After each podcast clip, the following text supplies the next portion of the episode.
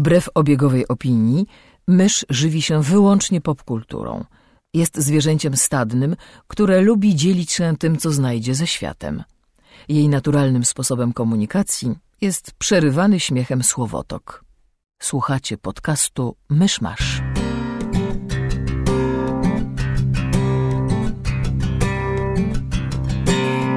Drodzy słuchacze, jest poniedziałek 12 czerwca 2017 roku. E, rocznica założenia Helsinek przez króla szwedzkiego Gustawa I. Zapraszam do 186 odcinka podcastu Myszmasz. Cześć, jestem Krzysiek Ceran i tu przy mikrofonie są ze mną e, Mysz. Cześć! I Kamil Borek. Hej! I witamy w najnowszym Myszmaszu. Przejdźmy od razu do newsów. E, nie cierpi zwłoki, szczególnie zwiastun e, Black Panther, bo No tak. chyba wszyscy obejrzeliśmy go, nie wiem, godzinkę, dwie godzinki temu. E, I jest... Zrobił na Super. mnie duże wrażenie. Przede wszystkim zrobił na mnie duże wrażenie tym, jak od razu widać z tych scen e, taki bardzo charakterystyczny styl wizualny. To znaczy to, jak e, Wakanda wygląda, e, te wszystkie kostiumy i tak dalej. Jeśli film będzie dobrze zmontowany, tak żeby z, jakby wykorzystać te sceny, bo pojedyncze ujęcia są świetne. Jakby pod tym względem po prostu naprawdę byłem, byłem pod wrażeniem tego, jak, jak no nie od pierwszych scen, bo pierwsza scena to jest Serkis i Freeman w, jakiej, w jakiejś szopie, a druga scena to jest Black Panther w ciemnym lesie, ale jak już minie te pół minuty, to potem, to potem zaczyna się wizualna uczta, naprawdę. Znaczy, tak, to jest taki sci-fi, które e, czy było realizowane tylko zazwyczaj tak dosyć słabo, bo nawet w Star Treku był e, lud, e, kosmiczny lud e, e, afrykański, tylko że tam to było e, rasistowskie po prostu kompletnie. Ciekawe, że było tak rasistowskie jak odcinek z kosmicznymi Irlandczykami, który tłumaczyłem. Znaczy tam e, w, wódz tego plemienia w którymś momencie porywa Jar, bo postanawia ją sobie wziąć za żonę. I, i, tłumaczy, że w ich kulturze to jest normalne, więc, więc on tak sobie zrobi. E, Kosmiczni Irlandczycy byli co do jednego pijakami i leniami, więc... tak. A, Star Trek. Progresywny serial, który łączy wszystkie narody świata. Ojej.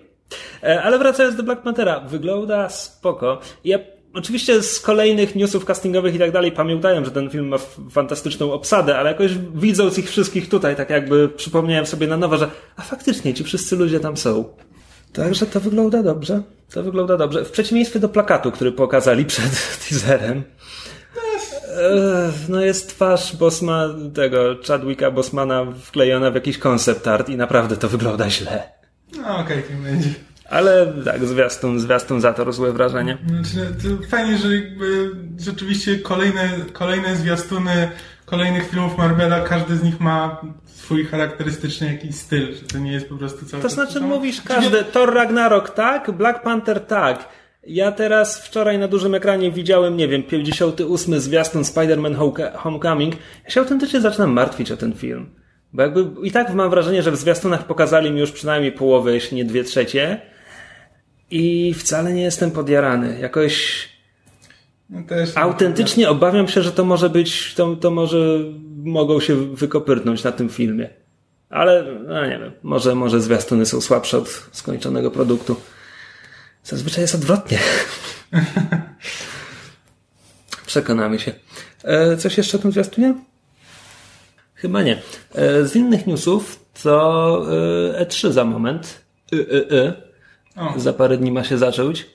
E, tylko to jest takie śmieszne, no bo latami czekało się na E3, no bo tam pokażą te wszystkie nowe gry i zapowiedzą i tak dalej. No ale taki Ubisoft co? Far Cry'a 5 zapowiedział, nie wiem, miesiąc temu. E, a Creed Origins miał po prostu już tyle przecieków, że równie dobrze można było uznać, że gra została zapowiedziana. Tak, to, to teraz wygląda jak, mam wrażenie, że to wygląda tak, że okej, no są zapowiedzi, że będzie, będzie Assassin's Creed, są jakieś tam pierwsze, pierwsze sceny, potem na E3 będzie dużo e, prawdopodobnie trailerów gameplayowych, więc pokażą trochę jak to ma, jak to ma wyglądać, a tak naprawdę będzie można zobaczyć, znaczy dziennikarze będą mogli zobaczyć jak to, e, jak to się prezentuje tak na żywo na Gamescomie dopiero. E, Ja mam nadzieję, że pokażą gwiezdnowojenne gry. Znaczy Battlefronta drugiego na pewno coś tam pokażą, no bo on już był obszernie zapowiedziany, ale mam też nadzieję, powstaje gra, która nawet nie ma tytułu. Gra, tę grę robi bodajże studio Visceral i tam lead, nie wiem, writerem czy designerem jest ktoś, kto pisał Uncharted. I to ma być właśnie taka bardzo filmowa gra z silnym wątkiem fabularnym i tak dalej. No ma być Uncharted w kosmosie. Tak, tak. Aha, to ma bo być to. Miało, bo tym miało być to Star Wars tym miało być 13, 13-13, które zostało skasowane, tak. A teraz powstaje coś nowego. Już nie wiem, rok czy dwa lata temu pokazali taki dosłownie minutowy materiał, gdzie było parę koncept artów i chyba 10 sekund, że jakiś gość wychodzi z jakiegoś pomieszczenia na otwarte miasto, a nad miastem wisi niszczyciel. I to jest jakby wszystko, co pokazano związane z tą grą. Um, no i liczę, że pokażą coś więcej. Mogliby na przykład tytuł zrazić, żeby, żeby, żeby dało się o, o tym jakoś mówić. Inaczej niż o e, Bełdowca w produkcji gra e, studia Visceral, Gwiezdnowojenna. E, poza tym ja, zas, ja zasadniczo nie gram, wiesz, w te, w te gry z segmentu AAA, bo zaz, zaz- zazwyczaj mnie nie jarają, ale to Gwiezdne Wojny i w grę AAA z Gwiezdnych Wojen pewnie zagram. E, zwłaszcza skoro już mam na czym, o ile będzie na PC-tach. Także tak, chyba jeśli chodzi o moje nadzieje związane z E3, to, to chciałbym coś zobaczyć na ten temat. A z kolei Firaxis zapowiedział w zasadzie nie wiadomo co, ale coś do drugiego dodatek. Prawdopodobnie jakiś duży dodatek podobny do... Ze, ze słowami, bo, że prawdziwa wojna zaczyna się teraz. Tak, tak. E, Pe pewnie, pewnie to będzie coś takiego jak Enemy Within do pierwszego XCOMa, czyli dodatek, który dodaje nowe opcje, jakoś tam zmienia środkowy i ostatni segment kampanii. Ja oczywiście wciąż nie zagrałem w drugiego XCOMa, ale i tak mnie to in- intryguje. E, to co, E3 zaczyna się bodajże we wtorek, to pewnie w następnym odcinku będzie furda newsów do omówienia, a tymczasem to chyba tyle. A zatem przejdźmy do omawiania no, tych i owakich rzeczy. Um, to ja na początek chciałbym nawiązać do poprzedniego odcinka. A, przy okazji mysz wyparowała. Y, Myszy tu nie ma. Mysz musi pracować. Wróci na omówienie Mumi. Um, więc y, ja na początek chciałem a, wrócić do poprzedniego odcinka, w którym mówiłem o House of Cards, bo skończyłem już ten najnowszy piąty sezon. Jest, ja jestem na szóstym odcinku, przynajmniej coś mogę dopowiedzieć. I e, tydzień temu chyba byłem po siedmiu, prawda? Czyli byliśmy w podobnym punkcie. Teraz obejrzałem drugie pół sezonu e, i muszę powiedzieć, że wolałem pierwsze pół, bo następuje taka bardzo wyraźna zmiana biegów, jakby zmienia się temat tego sezonu. Jakby ten wątek, który jest realizowany przez pierwsze pół sezonu zostaje domknięty praktycznie definitywnie. Um, więc, więc pojawiają się nowe tematy. E, Niemalże wymienia się część obsady, bo nagle zupełnie inne postacie wychodzą na pierwszy plan. E, I jakoś to drugie pół sezonu. e, No nagle Frankowi zaczyna być za łatwo. I jakoś tak mnie. To wciąż jest dobry serial.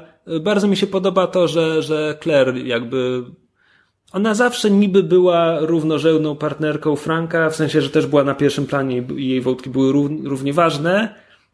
Tylko, że przez kilka Była pierwszych lat to było bardziej ale drugą- nominalnie. Tak, ale jednak nie główną Tak, aktorką. tak, a natomiast tutaj ewidentnie ona też jest na pierwszym planie i to jest już połowicznie jej serial i to jest fajne. Mhm. To mi się podoba, to doceniam. Ale to rzeczywiście można powiedzieć, że to nie jest serial o Franku Underwoodzie, tylko po prostu o Underwooda. Aczko, to aczkolwiek to jak twórcy się bawią, kiedy robią taką zmyłkę, że widz myśli, że ojej, Claire na mnie patrzy i mówi do kamery, ona też przełamuje czwartą ścianę, a potem nie. Ale tak, Ale to parę osób tak robi, bo Hammerschmidt też ma taką scenę, w której jakby e, zaczyna, zaczyna coś mówić, a potem e, jakby od, obraca się w stronę kamery i zaczyna coś mówić, a potem kamera przechodzi na tablicę, na której są tam te zdjęcia i wycinki z gazet. A wiesz co, to, to, to tego, kompletnie, nie- ko- tego kompletnie nie zauważyłem. Natomiast jeśli chodzi o łamanie czwartej ściany, to ewidentnie Mark Upsher ma taki jeden momencik w scenie, która nawiązuje? Mark Upsher, ten siwy, e, ten siwy gość, który generał? prowadził, nie, ten, który prowadził kampanię Conwaya i generała. A, okej, dobra. E, I on ma taki moment, gdzie ewidentnie łamie czwartą ścianę, aczkolwiek nie mówi, tylko po prostu odwraca się do kamery i to jest scena, która nawiązuje do otwarcia całego serialu sprzed, sprzed tam czterech lat. E, Do początku pierwszego sezonu. Okej. E, Może jeszcze tego nie widziałeś. Może być w którymś następnym odcinku. E, W każdym razie tak, więc trochę się bawią tym formatem. I co? No i wciąż uważam, że to jest najlepszy sezon co najmniej od dwóch lat. I trochę rozbawiło ten początek, początek szóstego odcinka, to jest y, scena w lesie, kiedy Underwater Ach, odwiedza no. to tajne bractwo. Tak, to, to jest dziwne. Przy czym właśnie to jest, to jest o tyle śmieszne, że to musi wyglądać jak po prostu jakieś kompletne skakanie nad rekiną, że po prostu co ten serial robi, a to jest autentyczne, to jest oparte na faktach. To, to jest coś, co się autentycznie dzieje. Najbogatsi ludzie spotykają się w lesie i czczą e, wielką, e, ten, wielki totem sowy. John Ronson o tym pisał i jakby ten, e, jakby był, e, był świadkiem tego. I to jest jakby tak, kim jest John Ronson? E, taki reportażysta e, napisał te Psychopath Test okay. i ludzie, którzy patrzą na kozy. E, I właśnie on, on to opisuje w, tam w, w książce Them, The Adventures with Extremists, e, gdzie jakby, gdzie to było w kwestii tego, że e, jakby zwolennicy teorii spiskowych e, powtarzają sobie, że no, że no istnieje ten ten tajny rząd, który próbuje przejąć kontrolę nad światem i właśnie tajni ludzie, którzy spotykają się w lesie i czczą sowę. I oni to rzeczywiście robią, tylko po prostu to jest dla nich taka, wiesz, zabawa, to jest, wiesz, jak bractwa, jak bractwa w y, amerykańskich koleżach, które też tego typu rzeczy po prostu urządzają. Oni po prostu sobie urządzają wyjazd do lasu i y, się przebierają i czczą, czczą sowę, bo, bo tak, właściwie. I to jest po prostu tak, tak kompletnie absurdalna rzecz, która, y, która szczególnie właśnie w serialu brzmi, wygląda jak y, kompletny absurd. Mhm. W każdym razie podsumowując, um Znowu, no, najlepszy sezon od jakichś dwóch lat. Jeśli ktoś nadal ogląda, to jak najbardziej warto sięgnąć po nowy sezon. Jeśli ktoś odpadł, jeśli ktoś na koniec czwartego sezonu powiedział sobie, że nie dość, ale ogólnie jest na bieżąco, to powiedziałbym, że warto zacząć mm. piąty. Jeśli ktoś odpadł gdzieś w trzecim, to nie, nie nakłaniam do powrotu, bo to jednak jest lepiej, ale też znowu to nie jest nagle jakaś rewolucja i genialna telewizja i że zmienicie zdanie. Nie, jeśli już serial was zmęczył, nie wracajcie ale, ale jest dobrze. Znaczy właśnie mam takie spostrzeżenie, że bo jakby trzeci sezon mi się strasznie nie podobał, najmniej mi się podobał ze wszystkich, bo miałem wrażenie, że tam było, tam było za dużo thrillera, za mało West Winga, potem w czwartym sezonie to był głównie West Wing, tylko po prostu wszystkie postacie były trochę złe i skorumpowane i e, nieprzyjemne. E, więc to był tak ostatni sezon West Winga. West, West Wing, tylko wszyscy są kutasami. Dokładnie. E, i teraz, a teraz jakby wyłapali ten, e, tą równowagę pomiędzy tym, że okej, okay, to jest thriller polityczny, e, ale właśnie, ale polityczny, a nie tylko to, że, Boże, zapomniałem jak się postać nazywa. E, Frank ten, Underwood? Nie, e, ten jego Doug Chief Stamper. Doug Stamper.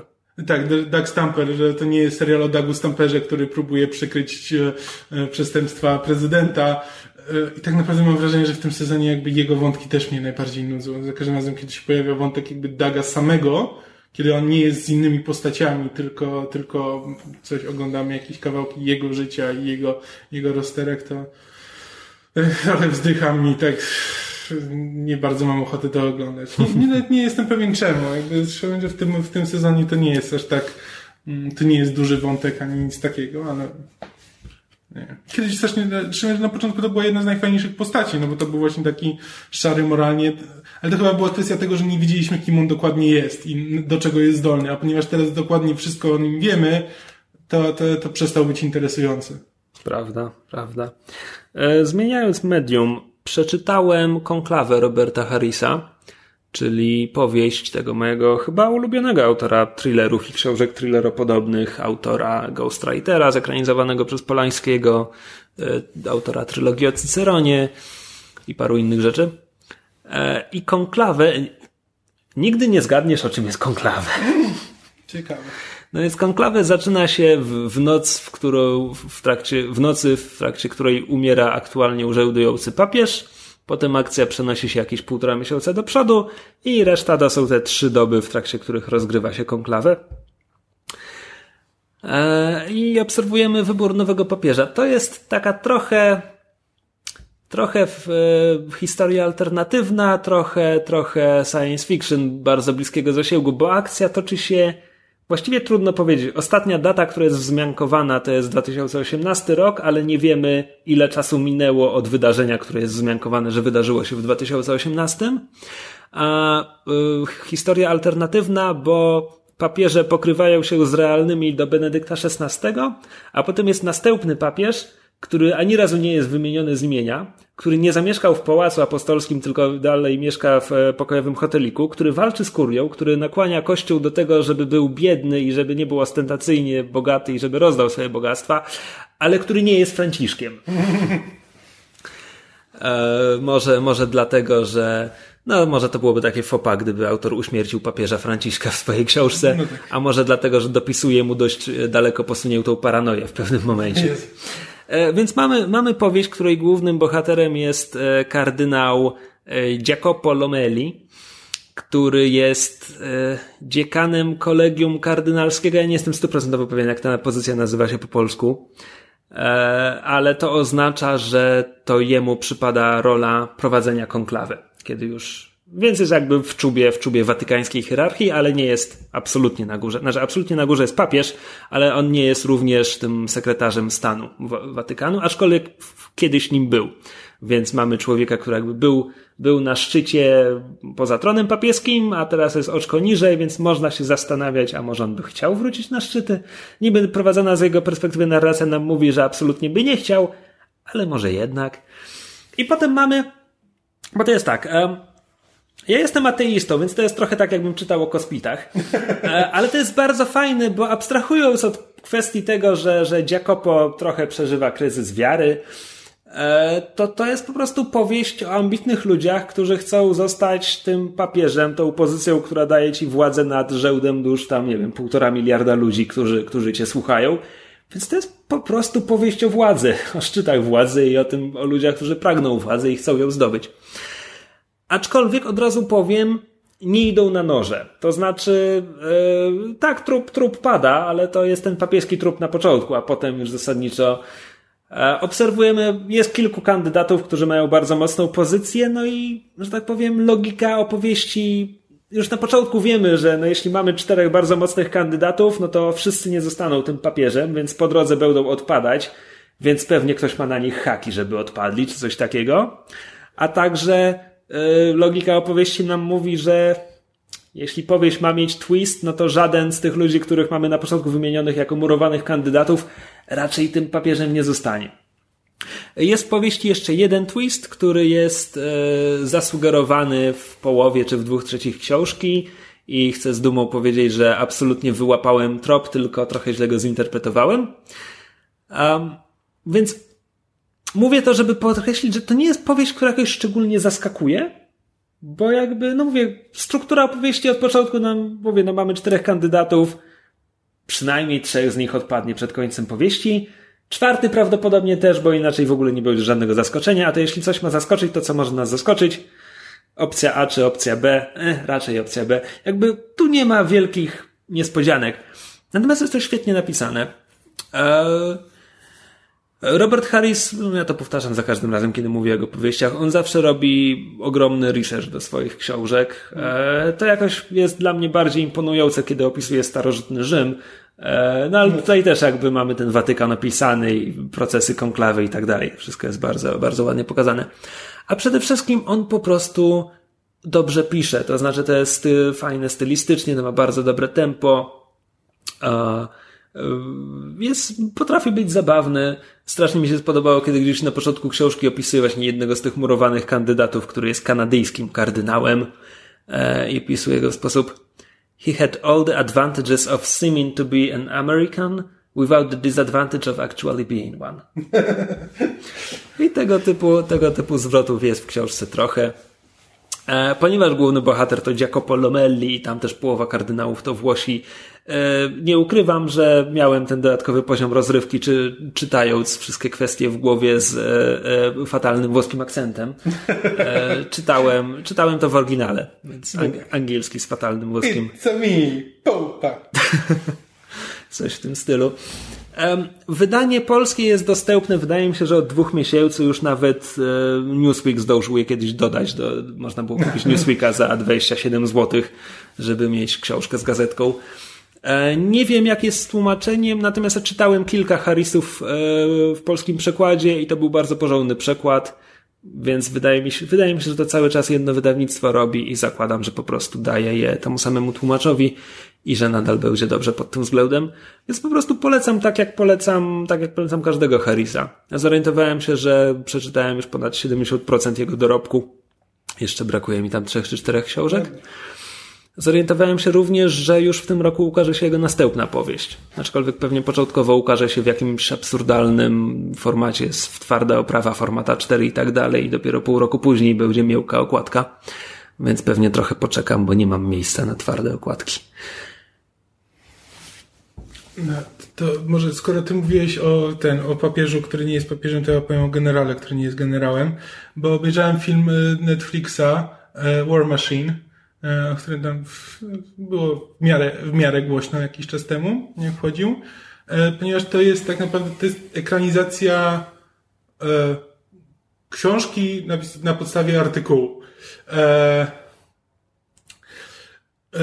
Artykuł jakby oryginalny dotyczył e, generała Stanleya McChrystala, który e, został wysłany przez, znaczy, został wysłany do Afganistanu przez prezydenta Obamę po to, żeby zasadniczo wycofać wojska, jakby doprowadzić do, zakończyć wojnę, wycofać wojska i po prostu zakończyć tę wojnę, wydostać wojska amerykańskie z Afganistanu, bo, bo już dłużej nie można, bo tam wojna trwa 8 lat i nic się nie zmienia.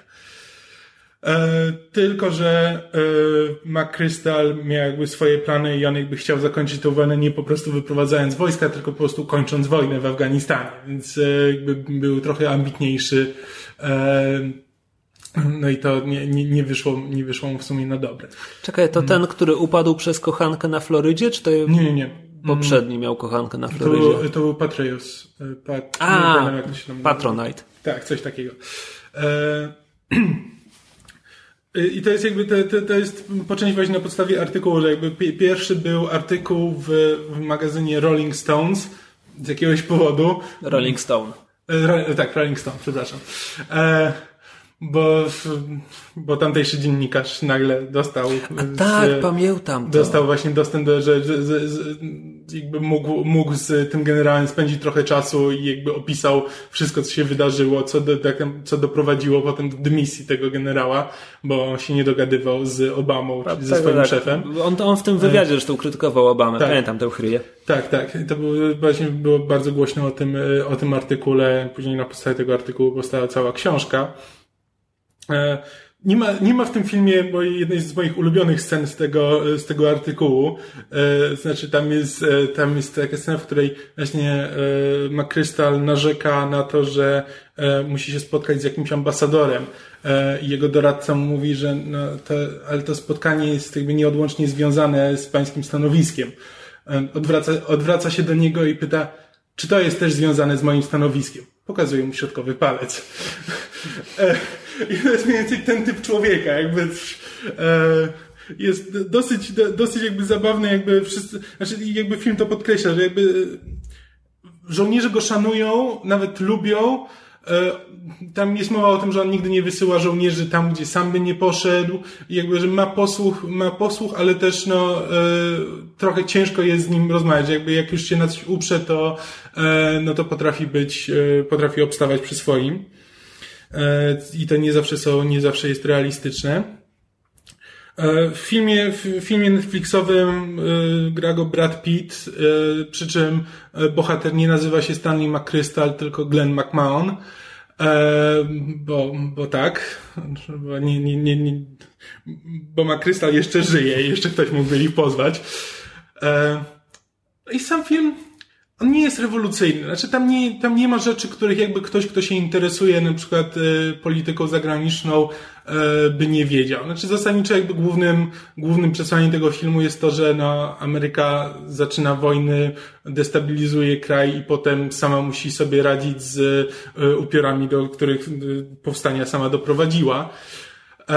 Ale na przykład jest taka, wiesz, jest taka ładna scena, w której McMahon stoi na polu maków e, właśnie w Afganistanie i tamtejszy lokalny, lokalny jakiś zarządca mu tłumaczy, no, że uprawiają tutaj maki, e, ponieważ, ponieważ kongres nigdy, nigdy by się nie zgodził na to, żeby uprawiać tutaj coś innego, na przykład bawełnę, bo nie chce tworzyć konkurencji dla amerykańskich, amerykańskich producentów, więc uprawiają heroinę. I to jest, to, to jest właśnie taki film, taki typowy właśnie film na podstawie artykułu, gdzie jakby jest sporo smaczków, gdzie jakby sam film jest średni, jest w porządku, tylko po prostu jest parę, parę fajnych scen, które właśnie fajnie pokazują sytuację, sytuację polityczną, jakby to z czym, e, z czym się wiąże jakby prowadzenie, prowadzenie wojny przez, e, przez Amerykę, w jaki sposób, w jaki sposób e, właśnie jak reagują na Amerykanów, jak reaguje na nich miejscowa ludność, e, że właściwie no, to jest wojna, której nie da się wygrać, no bo prowadzą wojnę z e, tam nawet jest też jest scena, w której jakby McMahon tłumaczy e, na, jakby prowadzi, prowadzi taki wykład dla różnych międzynarodowych dziennikarzy i tak dalej. No i jakby pokazuje, że no, jeśli mamy dziesięciu rebeliantów, i pisze na tablicy 10 minus 2. Jeśli zabijemy dwóch, to ilu zostaje nam rebeliantów? E, no to, że jeśli tych dwóch, e, jeśli tych dwóch rebeliantów, każdy z nich miał e, trzech przyjaciół, bra, dwóch braci, no to zostajemy tak z dwudziestoma rebeliantami. I to, i to, to jakby to nie jest, to, to, wiadomo, że to jak ktoś się interesuje, no to to nie jest jakby rewolucyjne stwierdzenie. Że tego typu, że jeśli prowadzi się wojnę nie z innym państwem, tylko z jakimś takim nieokreślonym tworem, no to praktycznie nie da się jej wygrać.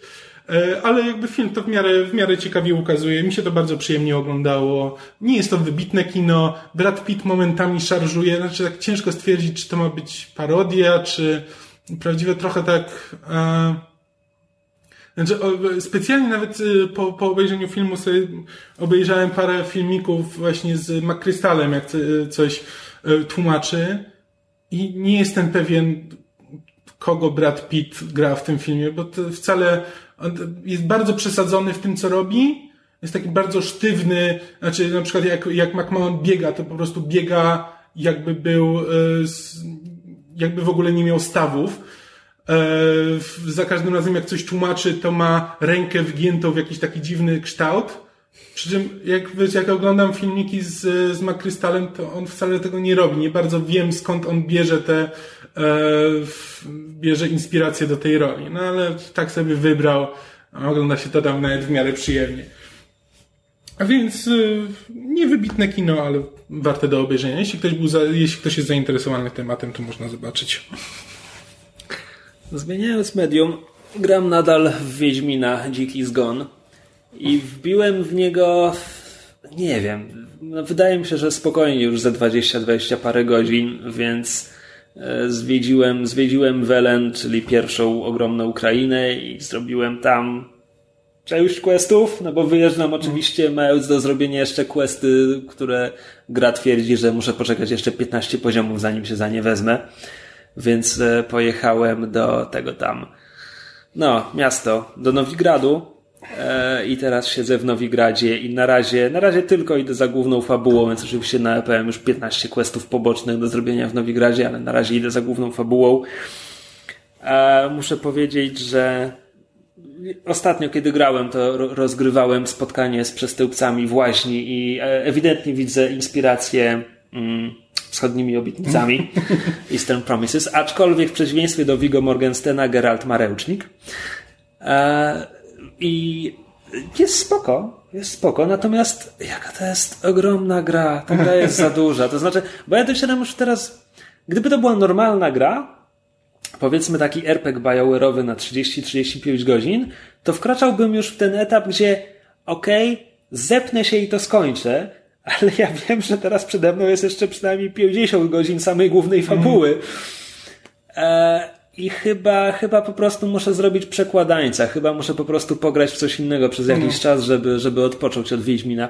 Bo on jest fajny, tylko no muszę się nauczyć, żeby w to grać na zasadzie, że o tutaj, o tutaj jak kliknę w tę ikonkę, to będzie ten inny świat, do którego będę wracał raz na jakiś czas. Bo ta gra jest absurdalnie duża. Mhm. Tak, naprawdę już niestety wyrosłem z grania w jedną grę przez, e, przez dwa miesiące.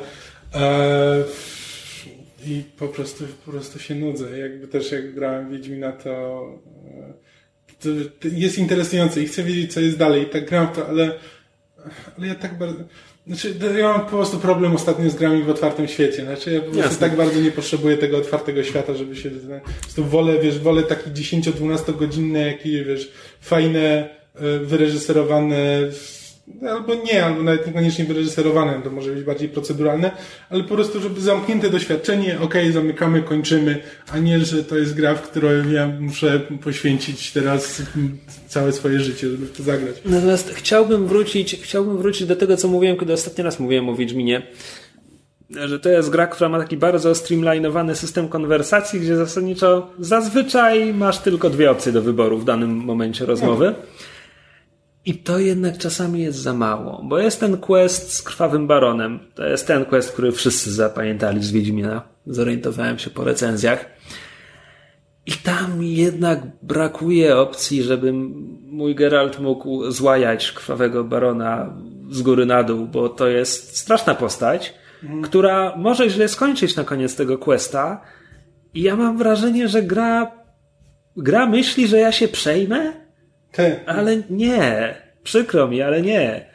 Jakoś tu brakowało mi jednak Tak, bardziej tak, tak. rozbudowanej rozmowy. Ja- Pamiętam, że ja właśnie jakoś, jak w to grałem, to miałem jakiś taki dziwny, tam jest jakiś taki dziwny wybór w którymś momencie, że on właśnie mówi, mówi, że jego tam przez długi czas nie było w domu, a potem jak wrócił, to zaczął tam lać swoją żonę i tam był się, i możesz mu zasadniczo powiedzieć, że, że no, no Tam jest opcja e, twoja wina, bo ją zostawiłeś, bo ją zostawiałeś na tak długo i druga opcja to chyba było jakieś wyrażenie zrozumienia. tak, że jakby w, I obie Także te tam- opcje są głupie. Tak, właśnie o to chodziło, że tam, tam brakowało takiej opcji na zasadzie no tak, długo ci nie było, ale to w żaden sposób nie tłumaczy tego, co zrobiłeś, co zrobiłeś dalej, jakby, nie, no, niestety nie Tak, pamiętam. więc więc jednak tam- ten tak, system tam rozmów czasami jest zbyt że- szczątkowy. Tak, że, ale, No, natomiast w Nowigradzie, w Nowigradzie, tak, więc spotkanie w łaźniach, super, doceniam. Jest też scena w karczmie, gdzie, gdzie Bartka śpiewa przez trzy minuty i to, to brzmi ładnie, to jest ładne.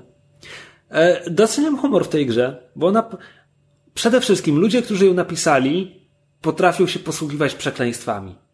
To znaczy, naprawdę autentycznie potrafią zrobić dialog, który nie jest zabawny sam w sobie. Ktoś po prostu tylko przeklina, ale to wychodzi zabawnie. Jest scena, e, tego można nie zobaczyć, jeśli, jeśli ktoś e, zabił Leto na koniec, na koniec drugiej gry, bo jest quest, w którym wraca Leto, jeśli Leto jeszcze żyje. E, jest scena, gdzie Leto się mierzy z grupą jakichś bandziorów i Leto im wszystkim grozi, a, a dowódca tych bandziorów to jest właśnie taki gość, który tam co, co trzecie słowo to przekleństwo i coś tam. E, ale to im wszystkim grozi coraz bardziej, aż w końcu Kusznikowi w tej grupie puszczają nerwy i, i Kusznik e, jakby strzela, strzela w leto. I jest takie ujęcie na tego dowódcę grupy, który teraz zwraca się przeciwko temu Kusznikowi z tekstem kurde, no, no, no, dwóch jebanych minut nie można porozmawiać z człowiekiem. I to jest po prostu bardzo zabawne. E, Ja naprawdę doceniam humor w tej grze, aczkolwiek są takie scenki, które idą w absurd i jakieś meta odniesienia do współczesnej popkultury i one nie działają. Bo jest scenka, kiedy tam ktoś wymienia, że nie wiem, jakaś kochanka Jaskra chciała, żeby on się kazała się nazywać Anastazją i mówiła do niego per Christian. I to jest nie. Ja wiem, że ta gra wyszła dwa lata temu, kiedy ten film był w kinach, ale nie. to, to, to nie jest żart, który przetrwa próbę czasu. Oj nie. Oj nie. Nie, ale Wiedźmin jest dobry, jest absurdalnie ogromny i potrzebuje przerwy pomału. Znaczy to a propos absurdalnie ogromnych, nie, znaczy ogromnych. Je, je, przychodzi taki, od jakichś trzech lat, przychodzi taki e, moment w roku, e, kiedy ja kupuję sobie grę NBA e, z, z, ze studia 2K. I To się to się nazywa NBA 2K17. W tym momencie gram w NBA 2K17, mimo że za parę miesięcy ma wyjść 2K18. e, bo one zawsze wychodzą trochę przed tym, no, przed kolejnym rokiem. E, zawsze tam zaczynają przed, przed sezonem. E, I, i, i, i ta gra zazwyczaj wtedy przejmuje, przejmuje jakby kontrolę nad moim życiem. I nawet nie, nawet nie jestem pewien czemu, szczególnie, że ja nie jestem jakimś wielkim fanem koszykówki. Znaczy w ogóle nie, praktycznie tam czasami sobie właśnie oglądam, obejrzę jakiś pojedynczy mecz, ale nie interesuję się tym, e, kto z kim gra, kto wygra kolejny tam sezon NBA i tak dalej. Do tego stopnia, że tak naprawdę to jest, to jest spore utrudnienie, bo niestety gry sportowe mają w sobie coś takiego, że one zakładają, że jak w nie grasz, to interesujesz się tym sportem. E, I że wiesz o nim sporo. E, więc, a ja wcale, a ja wcale nie wiem o nim, o nim sporo. Więc na przykład jak, e, tam jest jeden tryb, w który ja, w który ja gram, e, My Career, gdzie tworzę się po prostu własną postać e, i jakby masz kontrolę po prostu nad jedną postacią na boisku. Nad swoim, nad swoim zawodnikiem i jakby po prostu idziesz przez całą karierę. Oni to teraz w tym momencie postanowili trochę wyreżyserować i zatrudnili nawet Michaela B. Jordana, w sensie tego czarnoskórego aktora, który grał w fantastycznej czwórce. I będzie w Black Pantherze. I będzie w Black Pantherze. E, pod, jakby ty grasz z postacią stworzoną przez siebie, e, a to on jest Jordan. A Jordan jest twoim przyjacielem, który jakby możesz e, jakby w tym, w tym roku jakby postanowili, że to się będzie skupiało na tym, na jakby na relacji tych dwóch, że gracie w jednej drużynie, E, I tam jest nawet taki mechanizm, że jeśli tam zbierzecie parę asyst jakby od siebie, to włącza się, e, to włącza się specjalny tryb, w którym możesz jakby e, wtedy sterować tym e, właśnie postacią, on się nazywa Justice Young w grze, jakby postać. Ten Jordan? E, tak, Michael B. Jordan jakby w grze nazywa się Justice Young. E, I możesz, możesz mu tam na przykład wtedy wydać rozkaz, że na przykład teraz chcesz rzucić tak, że ty mu rzucisz piłkę nad kosz, a on dobiegnie do kosza i ją wrzuci i tam parę, parę takich rzeczy, które, które możesz wykonać. I, no i jakby w grze możesz, znaczy masz teoretycznie wybór w tym, czy chcesz jakby w to iść i że jeśli będziesz dla niego miły, jeśli będziesz się tam z nim spotykał, bo tam e, kariera jest zbudowana tak, że co jakiś czas jakiś znany koszykarz do ciebie pisze i pyta, czy na przykład masz czas tego dnia, żeby się z nim spotkać, a ponieważ tam w swoim grafiku masz zazwyczaj właśnie spotkania z różnymi właśnie znanymi, e, znanymi koszykarzami, e, jakby zobowiązania biznesowe, bo tam masz sponsoring, więc na przykład musisz się stawić na jakimś evencie organizowanym przez swojego sponsora, e, no i masz też mecze, a poza tym treningi, na które też musisz się stawiać, bo jeśli nie będziesz się stawiał na treningi, to, to mniej czasu spędzisz na boisku. Czyli, co, czyli ty musisz zdecydować, na, na, którą z tych rzeczy zrobić? Między... Tak, to znaczy, że one, e, znaczy, one czasami się po prostu zazębiają i czasami musisz zdecydować, czy ok, czy teraz pójdziesz na event i zarobisz trochę pieniędzy, czy na przykład spotkasz się z koszykarzem, co ci daje fanów i, e, na, i czasami na przykład jakąś tam dodatkową animację, którą możesz sobie odblokować. To jest mechanizm z japońskich gier, to jest mechanizm, nie wiem, z dating simów czy tak. cyklu Persona. Tak. I najgorsze jest to, że w tym roku e, postanowili pójść e, ciemną stroną mocy, bo dodali mikrotransakcje. Nie, czy możesz kupić więcej czasu?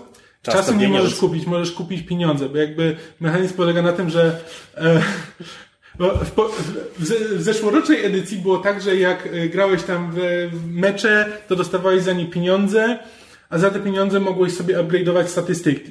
Czyli na przykład tam rzuty... Yy... Sensie doping? Nie, no po prostu to, czy e, tam statystyki, no to tam prędkość, rzucanie za dwa punkty, rzucanie za trzy punkty, e, dwutakty i tak dalej. Po prostu każda czynność, którą możesz zrobić na boisku miała swoją, e, miała swoją statystykę. Tych statystyk w zeszłym roku było po prostu cała masa. To było kilkadziesiąt statystyk, które rozwijałeś niezależnie od siebie. Teraz to trochę uprościli, w sensie nadal masz kilkadziesiąt statystyk, przy czym one są pogrupowane, że na przykład, że rzucanie jakby z mm, tak zwane mid-range, e, czy tam w średnie, z, ze średniego dystansu e, jest razem z e, tam z rzucaniem z mm, tuż po tuż po jak to się nazywa dribbling? Nie. Nie pytaj mnie. Kurwa, zapomniałem. No, w każdym razie, że masz po prostu parę takich kategorii, że po prostu, że kategorie to jest rzucanie za dwa punkty, rzucanie za trzy punkty, e, szybkość, e, tam, e, siła i tak dalej. E, tylko, że tylko, że możesz upgrade'ować każdą z tych e, statystyk do pewnego poziomu i masz jakby ograniczoną ilość upgrade'ów, które możesz wykonać. Ilość upgrade'ów jest ograniczona tym, jak często bierzesz udział w treningach. Każdy trening jakby ci daje dodatkowy, e, dodatkowy upgrade, ale żeby wykonać upgrade musisz zapłacić kasę. I tą kasę musisz, e, e, znaczy kasę zarabiasz jakby na meczach, ale możesz też ją kupić za, e, za żywą walutę. Przy czym ja nie kupiłem ani, e, ani złotówki, a w tym momencie dobiłem do tego poziomu, gdzie y, skończyły mi się upgrade'y. Więc muszę trochę więcej poćwiczyć, więc mógłbym kupić sobie więcej waluty, ale ona mi nic nie da. Więc w sumie nie jest to aż tak bolesne. Znaczy tak naprawdę to by było bardziej bolesne dla ludzi, którzy, te, bo tam jeszcze są dodatkowe tryby gry, w które ja po prostu, po prostu nie gram. Gram tylko w ten jeden, jedyny tryb. A poza tym tam są tryby, w których możesz e, tworzyć własne boisko i tam na tym boisku e, na przykład grać w multiplayerze z różnymi ludźmi, więc e, jest taki tryb, który oni ściągnęli z FIFA. FIFA ma taki tryb Ultimate Team, w którym kupujesz karty znanych piłkarzy, czy zbierasz karty i dostajesz się tam za wygrane mecze, dostajesz takie boostery, w których są karty znanych piłkarzy, jakby budujesz z nich drużynę, tylko że z kolei każdy piłkarz, e, każda karta piłkarza może się wykorzystać na przykład tam na trzy mecze, a potem musisz się doładować energią i zazwyczaj za tą energię płacisz, więc prawdopodobnie i to jest zazwyczaj ten tryb, który ma wyciągać z ludzi kasę. E, i prawdopodobnie ludzie, którzy grają w niego, to e, będą, będą w którymś momencie zmuszeni do podjęcia decyzji, czy chcą spędzić teraz kolejnych 10 godzin na, e, na zbieraniu kasy, czy po prostu zapłacą 20 zł i kupią sobie jej trochę. Ja autentycznie, tylko że właśnie problem jest taki, że ponieważ ja się nie interesuję tak koszykówką, tak poza tym, no to na przykład jak tworzyłem postać, no to miałem do wyboru, możesz wybrać e, pozycję na boisku i to może być point guard, shooting guard, e, coś tam power forward, coś tam, coś tam. Ja nie wiem, co te pozycje znaczą. Ja nie wiem, co która robi. Nie, tam wiesz, mniej więcej wiem, że no point guard to jest zasadniczo nas, nasz rozgrywający. Shooting guard to jest po prostu osoba, która stoi z tyłu i e, po prostu szuka otwartej pozycji, żeby po prostu rzucić do kosza. Myślałem, myślałem że rozgrywający to quarterback. To w futbolu amerykańskim. E, tak, no, z kolei power forward to jest ten, który się po prostu przepycha pod kosz i po prostu rzuca z bliska. E, ale potem jeszcze, potem jak sobie wybierzesz swoją pozycję, to jeszcze możesz wybrać rolę.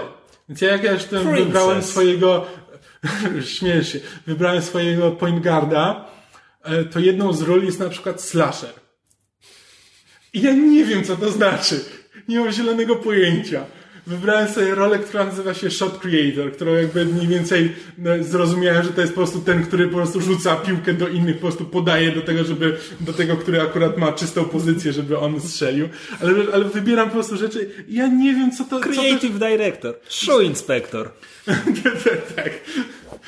E, I tam wiesz, tam są jakieś takie, że niby mogę się domyślić, no bo e, to, e, to jaką rolę sobie wybiorę, oznacza do jakiego maksymalnego pułapu mogą dojść konkretne tam pole e, umiejętności i tak dalej. Więc jakby rozumiem, że jeśli ten ma dobrą e, obronę i podawanie, no to właśnie do tego służy.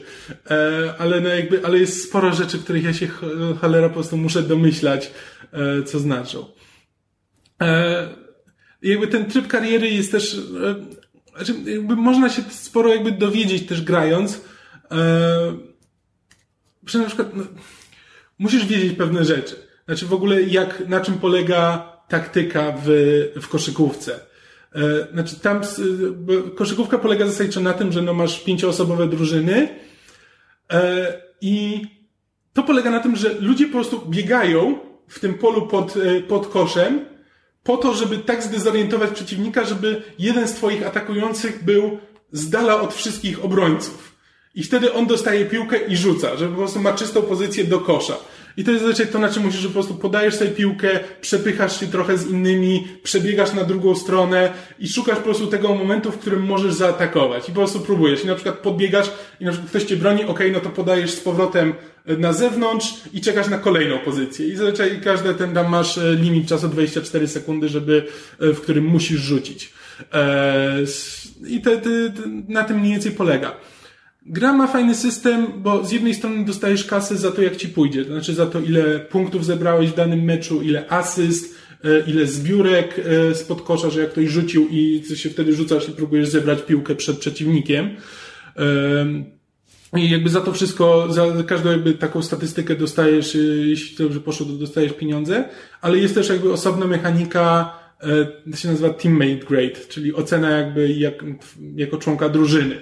Czyli dostajesz jakby e, ocenę, zaczynasz od C i możesz iść w górę aż do A, albo w dół do tam e, D plus albo F. Taki system z amerykańskich liceów, znaczy z amerykańskiej edukacji.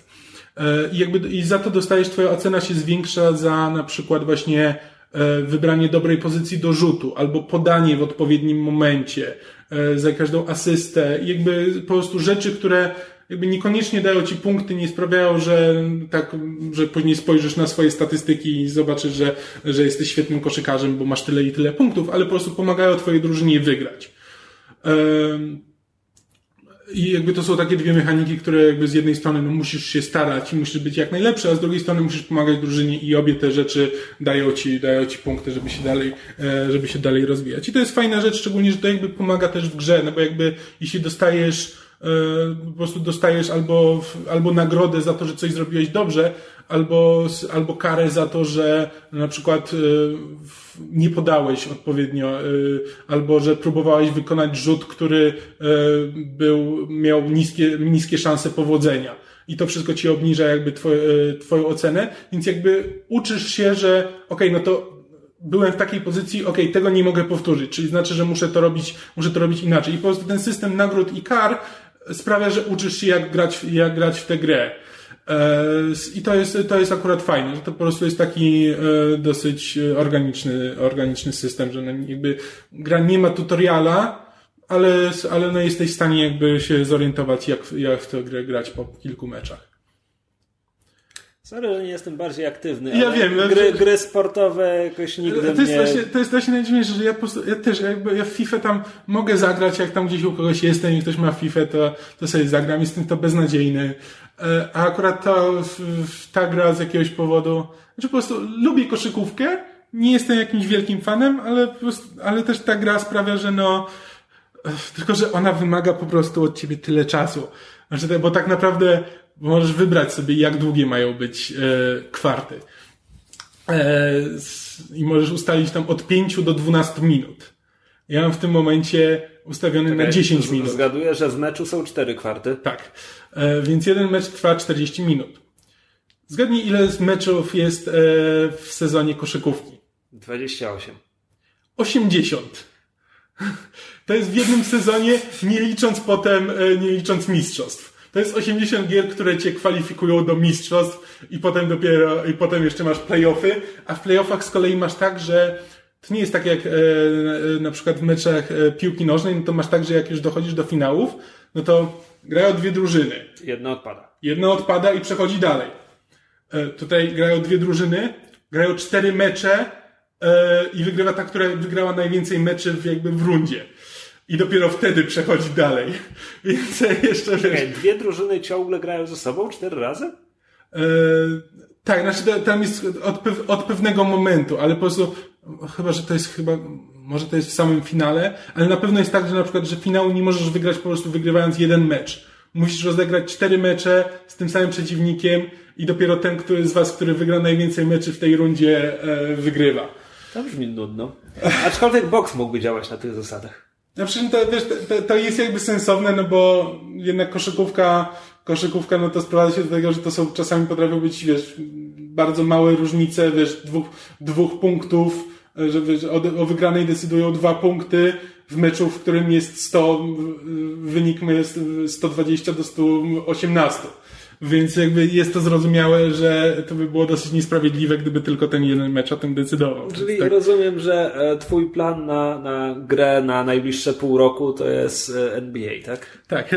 Ja tak sobie po prostu siadam na kanapie, opuszczam sobie, właśnie gram sobie w to NBA, zazwyczaj puszczam sobie jakiś serial obok na, na laptopie i, e, i tak się bawię. Jest to, jest to zaskakująco, zaskakująco przyjemna, przyjemna rozrywka. To jest najbliżej, najbliżej wszelkiej maści Doty i League of Legends, na które jestem w stanie sobie pozwolić. Bo to jest właśnie, o to są zazwyczaj gry, które wymagają od ciebie kilkuset godzin, e, zanim w ogóle zrobi się wystarczająco dobry, żeby móc, żeby móc grać. A ja wciąż nie jestem dobry w tę grę. I po tym zróżnicowanym katalogu tematów i innych takich przejdźmy do gwoździa programu, premiery tygodnia, e, arcydzieła e, filmowego, to znaczy Nowej Mumii, na której byliśmy wszyscy, aczkolwiek osobno wczoraj. Ja bym chciał zacząć, znaczy może najpierw wprowadzenie. To jest pierwszy film z tego nowego filmowego uniwersum, Dark Universe, które będzie przerabiało jakby nowe wersje różnych klasycznych potworów, więc zaczynają od mumii, e, będzie tam chyba, nie wiem, potwór z Czarnej Laguny, to jest, Frankenstein i tak dalej. To jest to, co, to, to, to, co im zaczęło przez przypadek, e, przez przypadek zaczęli robić e, na początku, na początku 2000 roku, kiedy po pierwszych, znaczy, tfu, na początku tego wieku, e, kiedy po pierwszych dwóch mumiach zrobili ten, Sommers zrobił Van Helsinga. Nie, no, ale tam nie było żadnych powiązań. Nie, nie było jeśli, powiązań, jeśli ale... już, to przecież mumie miały spin-off w postaci Króla Skorpiona. No tak. E, natomiast e, tak, no więc mamy, mamy mroczne uniwersum Dracula, historia niedopowiedziana, miała być częścią tego uniwersum, ale potem stwierdzili, że Wycofali nie będzie. się raczkiem z tego. E, tak, tak. Zamiast tego stwierdzili, nie, nie, my położymy porządne fundamenty i zrobili mumię. E, no więc mamy, mamy ten film z Tomem Cruzem w roli, w roli głównej, aczkolwiek nie tytułowej, z Sofią Butellą w roli tytułowej panią blondynką w roli pani blondynki archeolog, przepraszam. Nawet, nawet sprawdzałem jej nazwisko dzisiaj rano, ale ta aktorka mi po prostu tak ucieka z umysłu, że e, nie jestem w stanie Aczko, Aczkolwiek podpowiedziano mi, że ona mignęła w X-Men pierwszej klasie jako dziewczyna, którą Xavier tak. próbuje poderwać w barze. A rzeczywiście!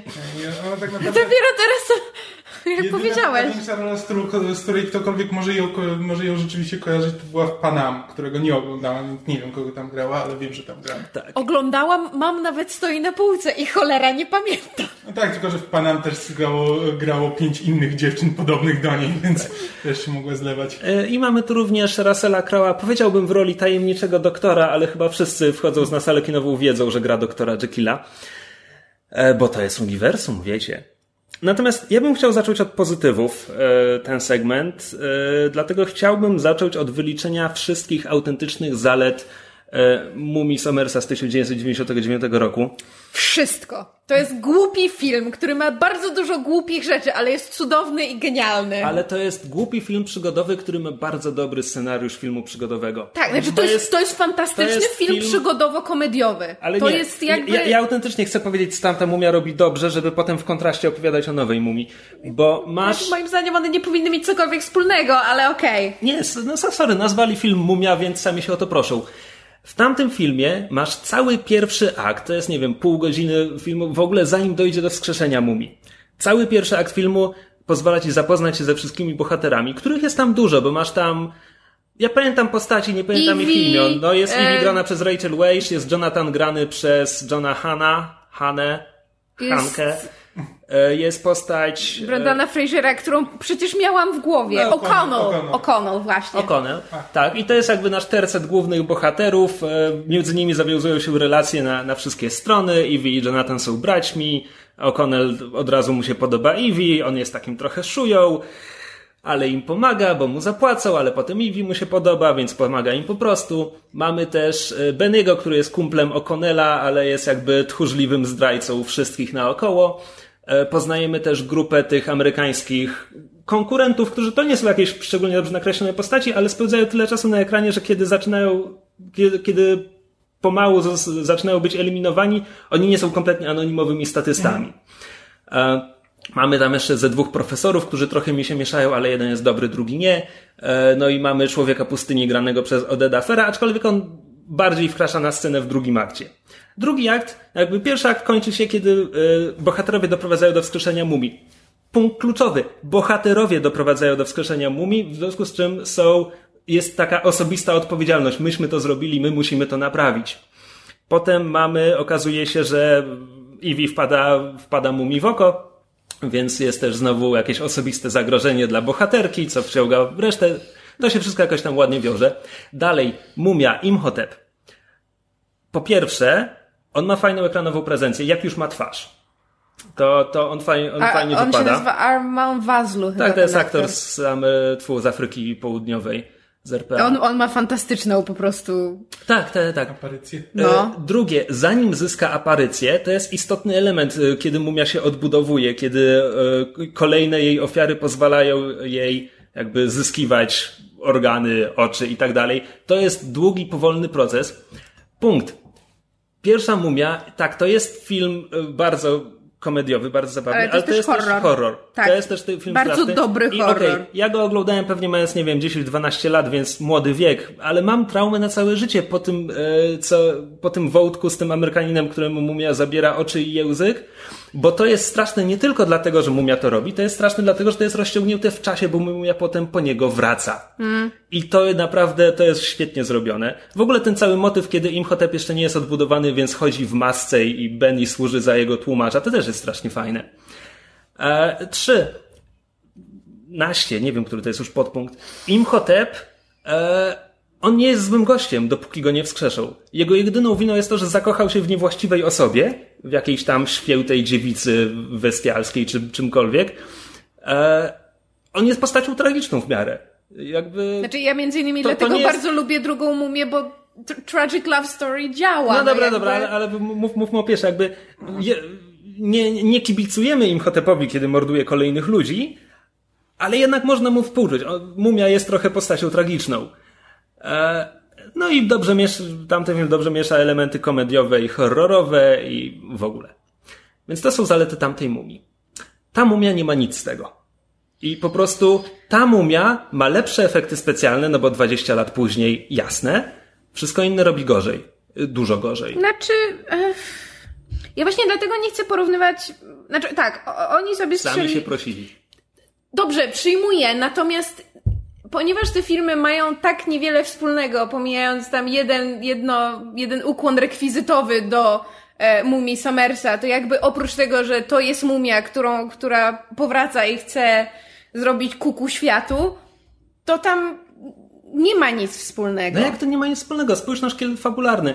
Pojawia się mumia. Mumia ma nieco romantyczną obsesję na punkcie jednego z głównych bohaterów. Eee, ale, ale od początku było widać, od tak, początku było, znaczy, co jest beznadziejną decyzją, bo Tak, jakby a z, kol- a z kolei ten Veil, Veil jest bardzo jak Benny. Tak, ma być trochę Znaczy, jak ma Benny. być jak Znaczy, Benny. Tak, nie do końca, no bo on nie jest taki, nie, nie, nie jest aż tak negatywny. Nawet, nawet gdyby nazwali ten film nie Mumia, tylko Faraon, to wtedy wciąż widziałbym, gdzie próbowali nawiązać do, do filmu Somersa. Tak, ale jakby chodzi mi. Chodzi mi, o, chodzi mi o klimat, bo jakby abstrahując od tego, że oni się rakiem wycofali z e, Dracula Untold, to był film, który mimo klapy narzucił pewien ton, który oni przyjęli i kontynuują ten ton w mumii, to znaczy w sumie dość poważny. I wrócimy, wrócimy, wrócimy jeszcze do tego, że ten film tak naprawdę wiele by zyskał na tym, gdyby wyciąć z niego na siłę wpychane kolanem elementy komediowe. No, Bo gdyby, próbują śmieszkować i to nie wychodzi. tak, i to nie wychodzi. I ja uważam, że gdyby, gdyby zrobić ten film na serio, na tyle, na ile serio można zrobić film pod tytułem e, Dr. Jekyll jest przywódcą jakiejś organizacji, która przeciwdziała złu na świecie i mumia powraca za grobu i zakochuje się w Tomie Cruzie, to uważam, że ze względu na to, na, na właśnie na inny ton tych filmów, czym one próbują być, nie powinno się ich tak porównywać, bo wiadome jest, że film, że, że, że ta nowa mumia będzie stratna, a myśmy z Kamilem mimo wszystko wyszli z seansu z dość pozytywnymi wrażeniami, co nie znaczy, że to jest dobry film, czy film pozbawiony wad. Natomiast pomijając trzeci akt, wobec którego mamy sporo zarzutów, z każdą mijającą minutą filmu, mimo całkowitego braku zaangażowania w, e, emocjonalnego w losy bohaterów i tego, że bohaterowie w sumie nie wzbudzają zbyt dużej sympatii, zwłaszcza główna dwójka, czyli Tom Cruise i ta pani blond, to ja z każdą mijającą minutą się zastanawiałam, ej... Blond. Pani blond. Cio. Ja się zastanawiam, ej, ale ten film jest spoko. Ja nie rozumiem, dlaczego wszyscy mają takie pretensje. No to ja, ja zgłaszam raport mniejszości, żeby powiedzieć, że moim zdaniem ten film jest e, źle obsadzony, źle napisany i bardzo źle wyreżyserowany. Znaczy, ja bym nie powiedział, że ten film jest spoko. Znaczy, ja się na nim dobrze bawiłem, ale trochę wbrew filmowi. Znaczy, to, to, jest, to, to jest zły film, jakby nie ma co tego ukrywać, jakby ja się byłem w stanie na nim dobrze bawić, ale jakby dla mnie jest tym dużo podobieństw do, e, do Wonder Woman i z tego jakby jest, tylko że Wonder Woman jakby jest e, przynajmniej tam dwóch trzecich e, zasadniczo w porządku filmem, tylko że też tak na tej mumii dobrze się bawiłem, ponieważ cały czas tam jest wystarczająco dużo ciekawych pomysłów wrzuconych, tylko niewykorzystanych, żebym ja sobie w trakcie seansu się zastanawiało, że, że co z tymi pomysłami można by dalej zrobić, jak one by się mogły rozwinąć. One się potem nie znaczy... rozwijają, potem umierają po prostu e, jak, jak liście na jesieni, ale z, e, ale jest tam, jest tam wystarczająco dużo dobrych pomysłów, żebym ja mógł sobie wyobrazić własny film. I to jest trochę wbrew temu filmowi. To nie jest jakby zasługa tego filmu, że no, on wprowadza ciekawe elementy, a potem, a potem je gubi. Ale, ale przynajmniej jest tam parę takich smaczków, z których ja po prostu wystarcza, wystarczają mi do tego, żeby sobie wyobrazić trochę inny film. To znaczy, no i... ja, ja, chciał, ja chciałbym e, zgłosić, bo kiedy mówiłem, że to jest tam śmieszkowałem trochę z tego Dark Universum i tak dalej, ale chciałbym powiedzieć, że nie uważam, żeby pomysł na Dark Universe był zły. Bo to jest po prostu. Nie, nie, nie. E, znaczy, to, to, to, jest, to jest BBPO. To jest Biuro Badań Paranormalnych i Obrony, czyli Hellboy bez Hellboya. Mike Minola pisał komiksy, że tak powiem, Hellboy bez Hellboya, gdzie bohaterami było po prostu samo to biuro i ten dziwny, niezwykły świat, który próbują zrozumieć i, i się przed nim obronić. E, to jest też e, Liga Niezwykłych Gentlemanów. Jakby to nie jest zły pomysł na uniwersum. Tylko, że zaczynają od filmu, który nie działa. A... Znaczy, to, są, to są elementy, które mi się najbardziej podobały. Właśnie jakby z... Tak, to jest ten idealny moment, gdzie jakby oni bardzo usilnie próbują nam pokazać w tym filmie, że to jest uniwersum, bo patrzcie, hej, doktor, e, doktor Jekyll, i to nie działa w obrębie filmu o mumii, a jednocześnie mam problem, żeby na to narzekać, bo dla mnie Russell Crowe był jedynym jasnym punktem znaczy, tego filmu. Właśnie, tak, to, to co musiałem powiedzieć, że jakby jest, to jest trochę fascynujące, że jakby ja nie powinienem liczyć y, na plus jakby tego, y, tych elementów y, Dark Universe, które tutaj wprowadzają, no bo one same są, w tym filmie są dosyć niepotrzebne i tak trochę na siłę wprowadzone. Ale cholera podobają mi się. Jestem bardzo, jestem za, bardzo zaciekawiony, co z tego dalej będzie. No, tylko, że to jest właśnie taki film typowo y, pierwszy, pierwszy rozdział i w, no to znowu drugi tydzień z rzędu mamy to, że to jest pierwszy Kapitan Ameryka. Znaczy y, jest po prostu początek jakiegoś, jakiegoś tam uniwersum, który sam w sobie wyszedł średnio, ale da się z niego jeszcze zrobić coś, coś porządnego. No, ale no. widzisz, no, pierwszy Kapitan Ameryka był trzecim filmem z tamtego uniwersum. Mm. Czwartym. Wszyscy zapominają o Hulku. Um, może słowo wprowadzenia, te 15 minut po rozpoczęciu segmentu. No więc mamy mumię, w której Tom Cruise gra e, sierżanta armii amerykańskiej Nigdy nie mamy powiedziane, ile jego postać ma lat. Ja, wydaje mi się, że on jest obsadzony w roli człowieka 10-15 lat młodszego niż jest Cruz, bo ta postać jest tak napisana. E, który e, nie jest patriotą, on jest e, w Iraku, żeby się wzbogacić, bo, bo szabruje i próbuje tam jakieś miejsca, które mogą zaintrygować archeologów. On tam próbuje wbić wcześniej, zanim archeologowie tam przyjadą i, i wszystko ukraść i sprzedać na czarnym rynku. E, pomaga mu jego podwładny Vale, którego stopnia nie pomnę, ale zakładam, że też jest członkiem armii amerykańskiej. E, Gra go Jake Johnson z serialu New Girl, jeżeli ktoś zna i lubi. Tak, i oczywiście, i oczywiście e, napataczają się tam z biegiem okoliczności na miejsce, gdzie spoczywa sarkofag z tytułową mumią. Pytacie, co egipska mumia robi w Iraku?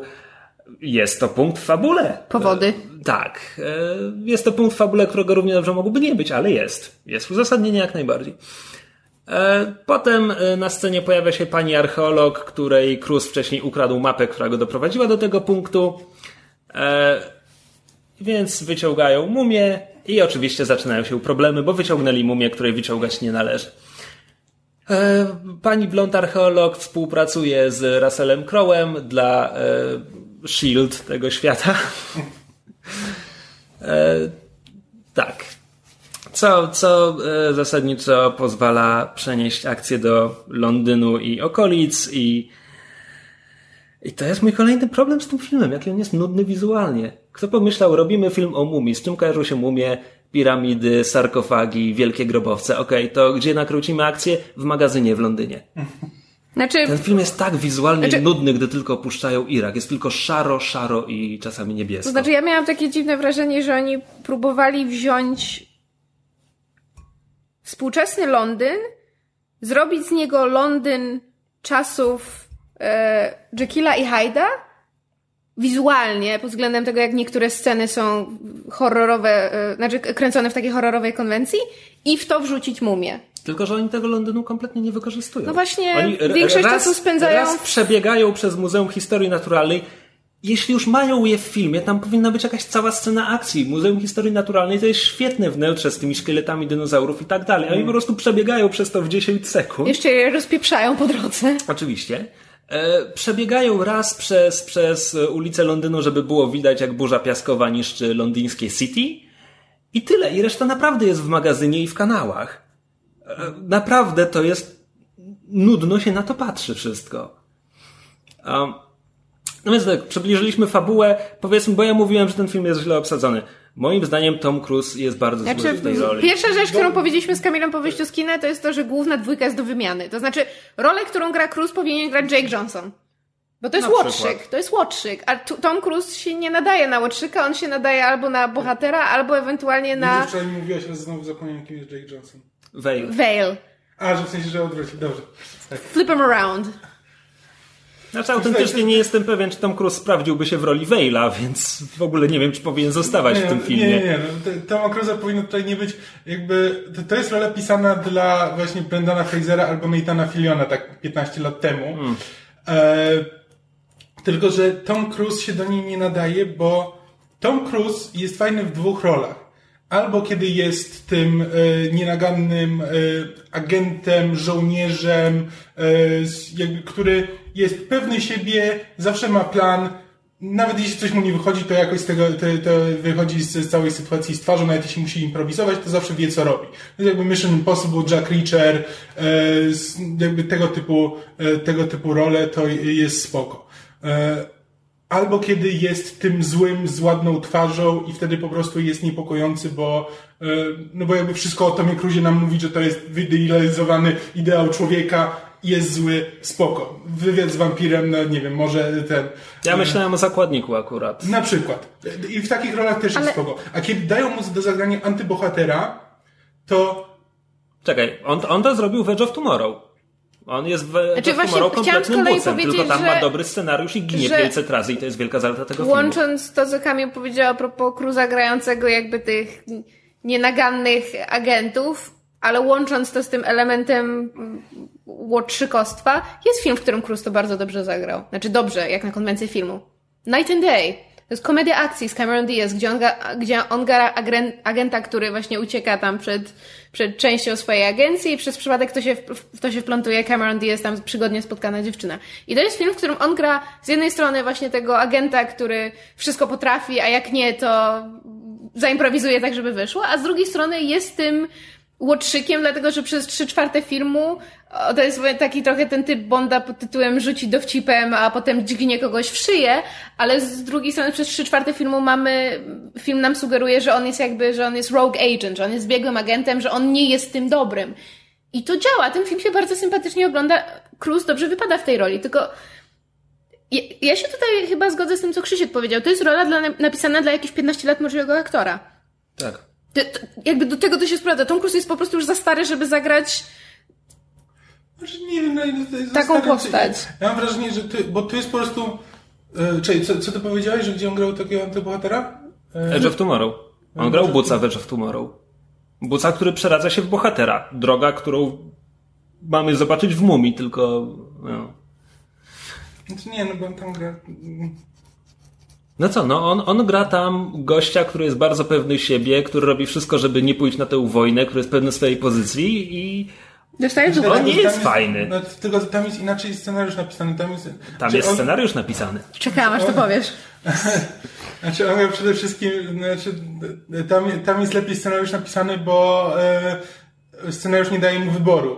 Znaczy on, e, to, to jest jakby dzień świstaka, gdzie on, e, nawet gdyby chciał być bucem, to po prostu, jeśli będzie bucem, to nigdy się z tego nie wywinie. Gdzie on jakby po prostu nie ma, nie ma wyboru, musi zostać bohaterem. Natomiast tutaj, kiedy jakby scenariusz wymaga od niego, żeby on był tym łotrzykiem, który odnajduje w sobie to złote serce, to, to ja tego nie kupuję, bo on po prostu, on od samego początku wygląda i zachowuje się jak bohater, y, jak bohater tego filmu i jest zbyt kompetentny. Też i on wy, wypada zbyt kompetentnie. To jest potrzebny właśnie taka postać jak Brendan Fraser czy Nathan Fillion, który, którzy jakby jak grają łotrzyków, to Znaczy- im się może w każdej chwili Nie, nie, noga. I oni On- jakoś z tego wybrną, ale On- po drodze dostaną parę razy w dupę. On nie jest kompetentny. On kompetentnie robi rzeczy, które jego postać powinna robić niekompetentnie. Tak. To jakby tam jest brak. Tak. E, Przechodząc, przechodząc do postaci żeńskich, bo tutaj moim zdaniem już nie zawinił casting, tylko absolutnie scenariusz, bo pani blond archeolog jest panią blond archeolog, bo scenariusz jej nic nie daje. W jej wprowadzeniu jest ta scena, kiedy e, ona mówi, co myśli, że ja się będę wstydzić tego, że, że cię miałam w hotelu przez ten tam. To jest jedyny moment, kiedy scenariusz sugeruje, że ona ma jakikolwiek charakter. Prostu Ona potem nie ma nic do roboty. I tak samo mam bardzo duży problem z tym, jak mumia jest napisana. Moim zdaniem to jest fatalna postać. Aha. Nie, Mi się, znaczy, bo mi się podobało. podobało. E, no to wró- wrócimy do tego jeszcze. Natomiast Przynajmniej Znaczy- miała, lepszą chemię z Cruzem niż e, pani Blond. Znaczy inaczej. Jest jedno martwiące założenie w samej. em, pytanie, czy robimy potem segment spoilerowy, czy zakładamy, że nikt nie pójdzie na film i możemy od początku rzucać znaczy, aha, spoilerami? bo myślałam, że jak zwykle zakładamy, że segment spoilerowy, bo tak miałam wrażenie, że wszyscy mówimy trochę naokoło. Znaczy do tej pory nie było żadnych większych Do spoilerów. tej pory nie było spoilerów. Tylko jeśli przejdziemy do omawiania mumii, no to ja już chciałbym powiedzieć, co mi tak bardzo nie pasuje w tym. Dobrze, to słuchajcie, to, Tam- to pokrótce żeśmy powiedzieli, jakie są e, głównie problemy tego Och nie, filmu. scenariusz ma jeszcze tyle innych wad. To jest scenariusz, który tak bardzo nie potrafi wpleść ekspozycji w dialogi. Kiedy zaczyna się E, tak. ekspozycja, to jest po prostu blok 5 minut, ktoś mówi najczęściej z ofu.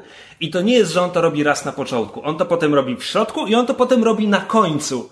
Po prostu... Że ja wiesz, Tak do tego chciałbym wrócić w, sekcji spoilerowej. Wrócimy Tak, do tego. taka- E, zła reżyseria, bo to muszę powiedzieć. Bo pierwsza mumia była komediowym horrorem, a ta mumia próbuje śmieszkować i próbuje straszyć i nie potrafi zrobić ani jednego, ani drugiego i to jest wada reżyserii. Bo tu są sceny, które mają być zabawne, ale reżyser, Kurzman, wymieńmy go z nazwiska, niech się wstydzi, po prostu tak bardzo nie ma wyczucia czasu. Tam nie ma, comedy timing jest zroubany kompletnie i widać, że ten reżyser po prostu nie ma wyczucia czasu, bo to samo sprawia, że sceny straszne nie działają. On nie potrafi wyreżyserować jumpscare'a.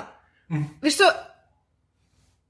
Tam jest nie, nie, jeden nie, dowcip, przy którym się uśmiechnąłem w całym filmie. To jeden. Russell Crowe mówiący co? Okej, dwa. Jeszcze dowcip z damską toaletą w miarę wyszedł. Um, wiesz co, teraz jak o tym powiedziałeś, to... Bo przyznam szczerze, że mi się podobały pewne sceny. Są pewne, tak jak Kamil powiedział, że są jakby w tym filmie elementy, które ja sobie mogę upleść we własny film, który jest lepszy. Natomiast te elementy horrorowe, które były, one mi się podobały. Tylko teraz jak powiedziałaś o timingu, to ja się zaczęłam zastanawiać i cholera rzeczywiście, tam są sceny, które są za długie albo są źle pocięte i się nie... Pomysł jest w porządku, natomiast realizacja leży. Ale i też, i też w humorze jest coś, co ma być Tak, zabawne, ale też. albo przychodzi za szybko Znaczy, w scenie, tam w albo za późno w leży. scenie, albo w ogóle y, jest coś, co ma być śmieszne i od razu zostaje ucięte, więc nie ma czasu, żeby to wybrzmiało. Są sceny, które mają być jumpscarami, ale kompletnie nie budują napięcia. To jest po prostu, to jest. Ja nie wiem, czy on wcześniej wyreżyserował jakiś film, bo to jest ten Kurzman i Roberto Orci. Orci, którzy są producentami i scenarzystami i są moim zdaniem największymi partaczami w Hollywood. To są ludzie, którzy robili serial Sleepy Hollow, to są ludzie, którzy pracowali z J.J. Abramsem przy pierwszych dwóch trekach, e, odpowiadali za scenariusz, więc największą wadę tych filmów. E, I po prostu sorry, nie. No to jest, to jest bardzo spartaczony film, ta mumia. E, Okej, ulało mi się, chyba możemy przejść do spoilerów. Okej. Dobrze, to przechodzimy do sekcji spoilerowej. E, to, to wytłumacz, o co ci chodzi z mumią. Z mumią? Dobrze. No więc Bo mówili przed premierą filmu, że w zasadzie to mumia miał być facetem, ale potem e, Kurtzman poszedł na X-Men Days of Future Past i zobaczył, że w scenie po napisach jest niebieski En Sabanur i stwierdził, no nie, ja też chciałem, żeby mój mumia był szaro-niebieski, więc nie mogę tego zrobić, więc będzie szaro-niebieska kobieta, co pozwoli nam eksplorować nowe problemy społeczne i tak dalej. Autentycznie on to kiedyś powiedział. I potem, więc mamy, więc mamy mumię kobietę i spoko, i niech będzie zła kobieta, niech będzie ta demoniczna mumia, nawet niech będzie seksowna, jeśli już musi być seksowna, tylko niech będzie naprawdę zła kobieta na ekranie. A tymczasem, punkt pierwszy, zła kobieta jest na ekranie po to, bo potrzebuje chłopa, to jest jej motywacja, E, Plus, ona to wszystko robi też dla innego chłopa, bo ona nie jest zła sama w sobie, ona jest służką seta tylko. Punkt drugi, mamy złą kobietę, która cały akt filmu spełza w kajdanach. No Imhotep nigdy by się nie dał tak załatwić. Sorry, ona nie jest dla mnie nigdy groźna. Jeśli ona została wskrzeszona, potem zwykli cywile statyści są w stanie ją złapać i zniewolić na pół filmu. O, jakby ten film kompletnie jej odbiera moc. Ona dla mnie w ogóle nie działa jako vilan. Nigdy, w żadnej scenie. Plus, kiedy mówiłem, że Imhotep był postacią tragiczną, której, której można było współczuć, to tutaj mamy psychopatkę Egipcjankę, która za życia była psychopatką Egipcjanką i jakby nic się nie zmienia po, po, po śmierci. Jakby ta postać kompletnie dla mnie nie działa pod żadnym względem. Znaczy, W ogóle. I nawet design mi się nie podoba. Znaczy, nie, no, znaczy, ja akurat nie mam takiego. Znaczy, tak, no, jeśli to, jeśli to ujmiemy w taki sposób, że no, to jest kobieta, która szuka faceta, no to tak, to jakby brzmi, brzmi źle. No, przy czym to jest jakby kobieta, która jakby sama z siebie podejmuje jakby decyzję, że, e, że chce zawrzeć pakt z diabłem, no, z setem, czy jakkolwiek. żeby osiągnąć swój cel, a osiągnąć jej swój cel, celem jest i przyjęcie jest władzy w jej kraju, która jest nie jest- zagrożona. Nie, nie. Narracja nam mówi już w momencie, kiedy ona zawiera pakt z setem, że, posta- że postanowiła zemścić się na całej ludzkości. Narracja nam wykłada jej motywację. No ale narrację prowadzi jej Russell Crowe, chyba, w tamtym momencie. Tak, który nie wie na czym polega mumifikacja, bo źle używa tego słowa. Kamil też zwrócił na to uwagę. Nie da się kogoś zmumifikować za życia. Musisz mu wyciągnąć mózg przez nos. Acz, aczkolwiek, aczkolwiek to może podkreślać, bo potem pani blond archeolog jak schodzi do grobowca, to zauważa, że tam nie ma kanopii w okolicy, więc ona wie, że to nie była mumifikacja. A Russell Crowe ma 15 różnych specjalizacji w tym filmie, ale nie musi być egiptologiem jeszcze na dokładkę. Więc okej, nie będzie. Aczkolwiek czyta hieroglify w prologu, więc jest standardowym naukowcem w fikcji. Jestem doktorem. Czego? Everything. E, I jakby i też jakby podoba mi się, podoba mi się jakby po, znaczy mumia jakby jest, jest fizycznym zagrożeniem, ale jakby nie to jest jej główną mocą. Jakby nie, jej główną mocą jest to, że jakby właśnie jest w stanie, e, jest w stanie wejść komuś, wejść komuś do umysłu.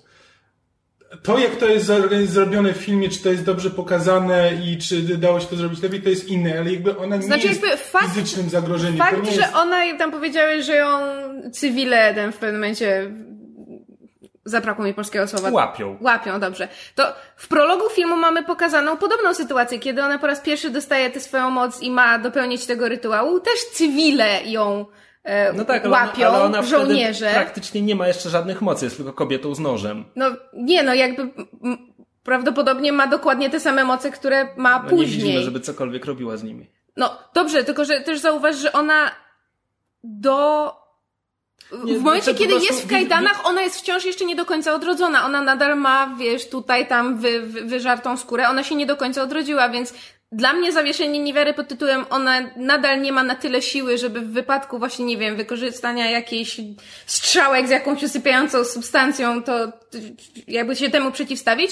Ja to kupuję. Ona ma pewne nie do końca określone moce, które działają jak chcą i też w finale z nich beznadziejnie korzysta, ale jakby dla mnie ta, wiesz, jest, historia to jest tej... Kolejny przypadek tego wilana, który załatwia się na własne życzenie, bo ona ma armię statystów, Tak, potem zamienia tak, w pył. w pył. Ja żeby takie- Tom Cruise mógł ją Ona, pokonać. wiesz, machnięciem ręki zamienia wszystkich pył, a ja takie, why? Oni ci się przydadzą, kobieto. Tak, no, a nie chcesz chociaż mieć widowni? No czegoś, no płakam.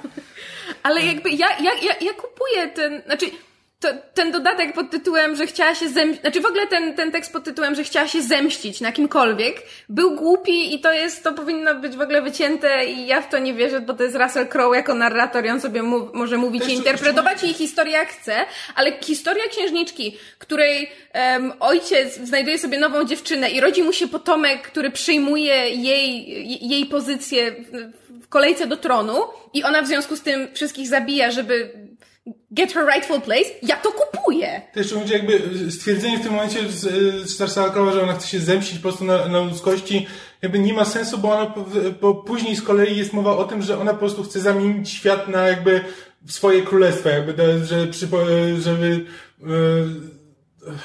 nie pamiętam jak to tam było ujęte, ale że w każdym razie, że zmienić, zmienić ten świat na swoje podobieństwo i po prostu no, on to jest taki typowy trop Wilana, który po prostu woli być y, władcą, władcą y, pustyni niż, y, niż poddanym w cywilizacji. Ja no. tylko przez cały film miałem z, z tyłu głowy taki podszedł, że gdyby ona nie wezwała Seta, tylko po prostu poszła z nożem zabić tatę, macochę i braciszka, E, to wszyscy byliby z tym spoko, bo to był starożytny Egipt i to było jakby uznawaną e, drogą znaczy sukcesji. Znaczy właśnie, bo tam, tam ten prolog... oni, oni ją łapią tylko dlatego, że jest demoniszczem, a to, demo, to znaczy, że jest demoniszczem nic jej nie dało.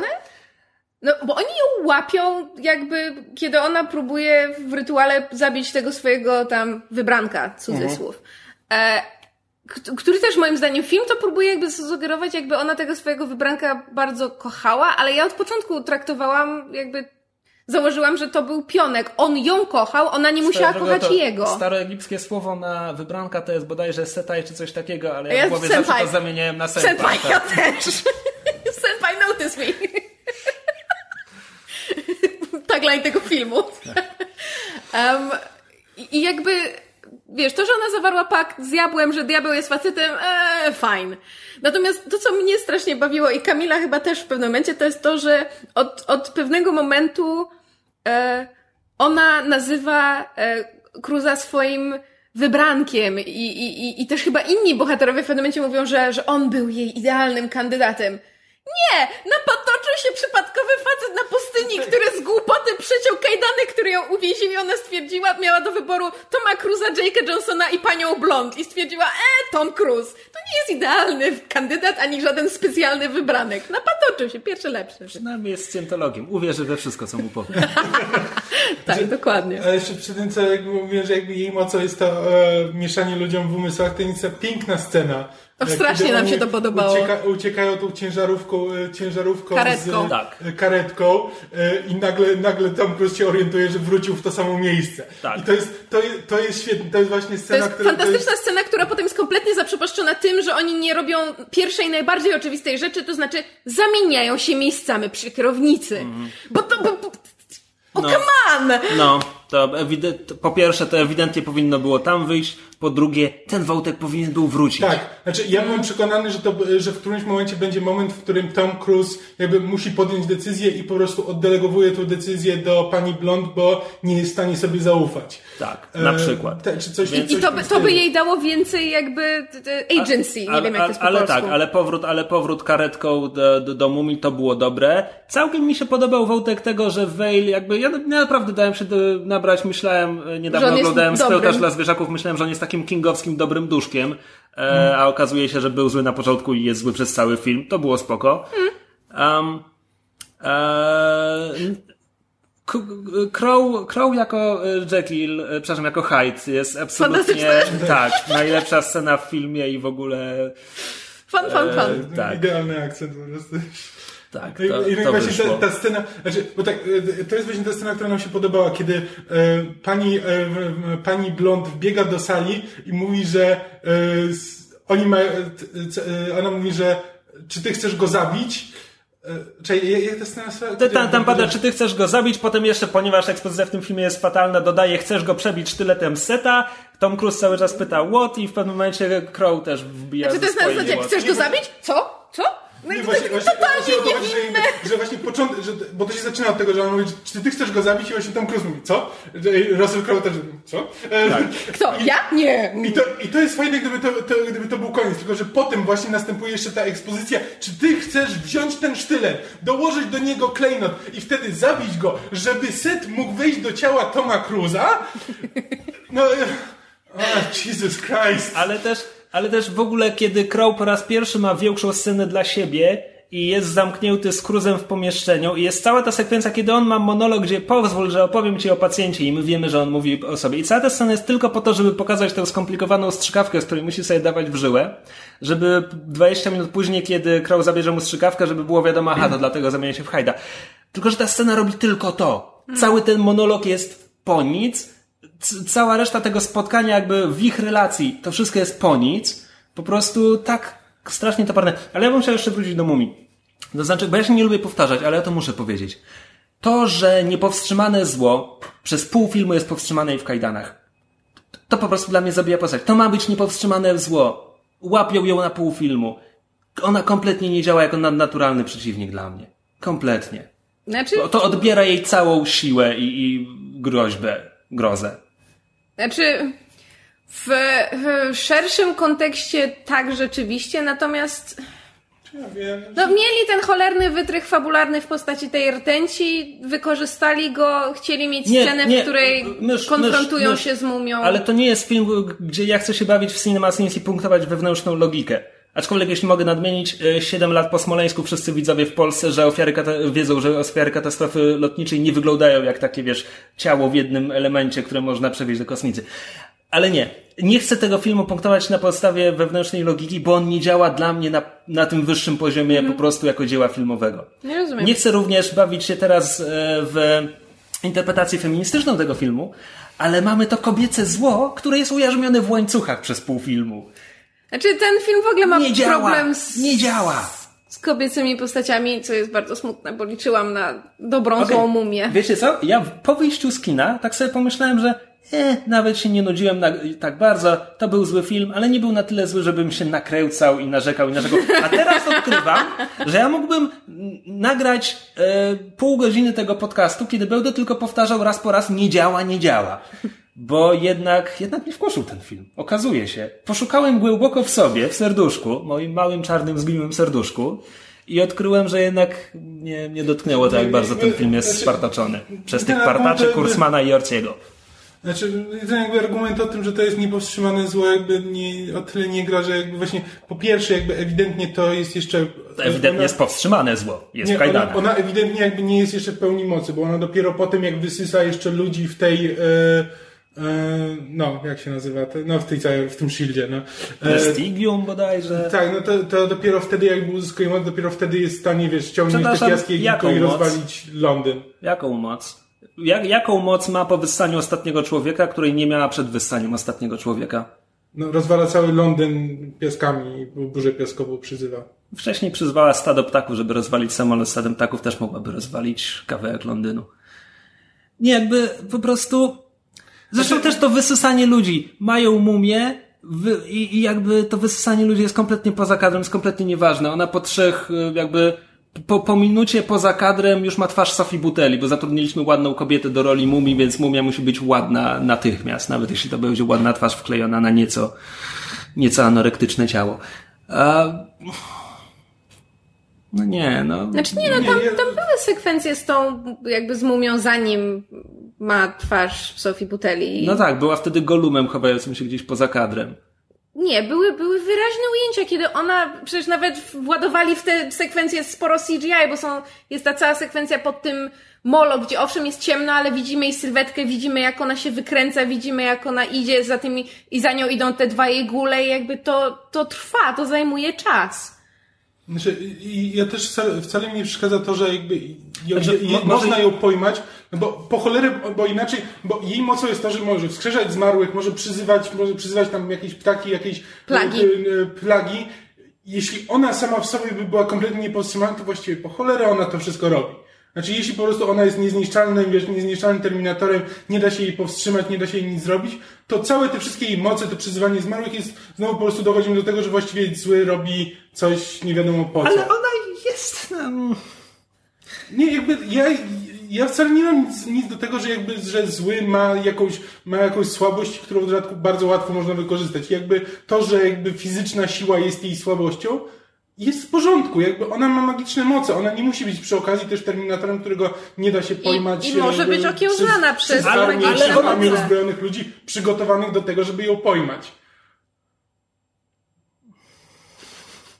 Moim zdaniem ona jest po prostu cholernie niekonsekwentnie napisana i dlatego ja nie widzę tutaj, To że ona ma tak, słabość, którą oni wykorzystują. Główna niekonsekwencja moim zdaniem pojawia się w finale. To znaczy fakt, że ona przez cały film dążyła, już abstrahując od tego Tom Cruise idealny wybranek. I wonder for who. Chociaż z drugiej strony sporo kobiet już się zdążyła na to nabrać. Ile on miał żon? Em, abstrahując od tego, to jakby fakt, że ona cały czas dąży do tego, żeby em, do, dokończyć ten rytuał, znaczy najpierw złączyć ten sztylet z tym klejnotem, a potem dokończyć rytuał i, i żeby Set się, się zreinkarnował w ciele Toma Cruza.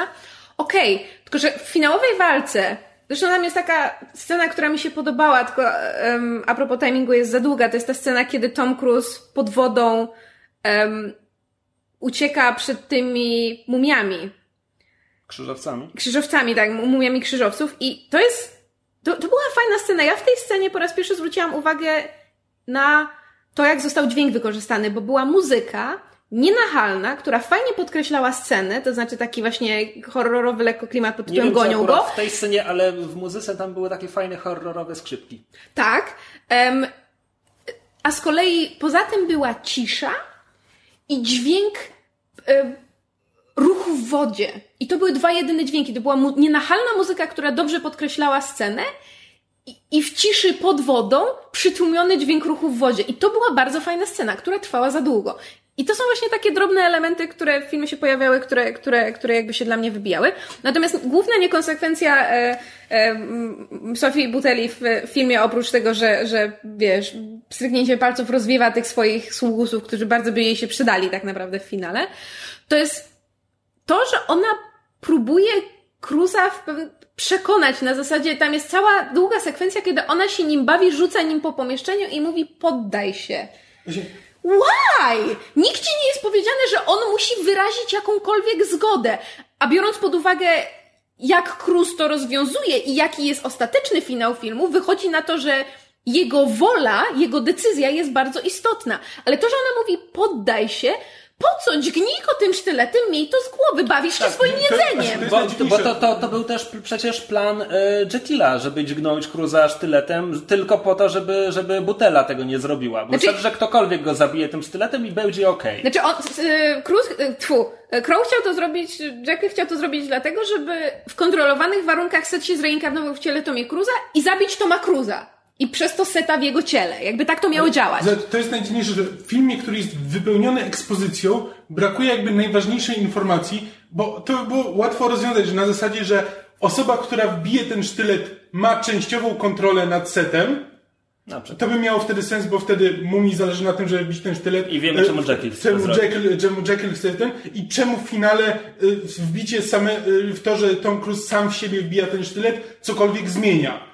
Czemu to nie jest, czemu nie wychodzi dokładnie na to, czego chciała mumia od samego początku.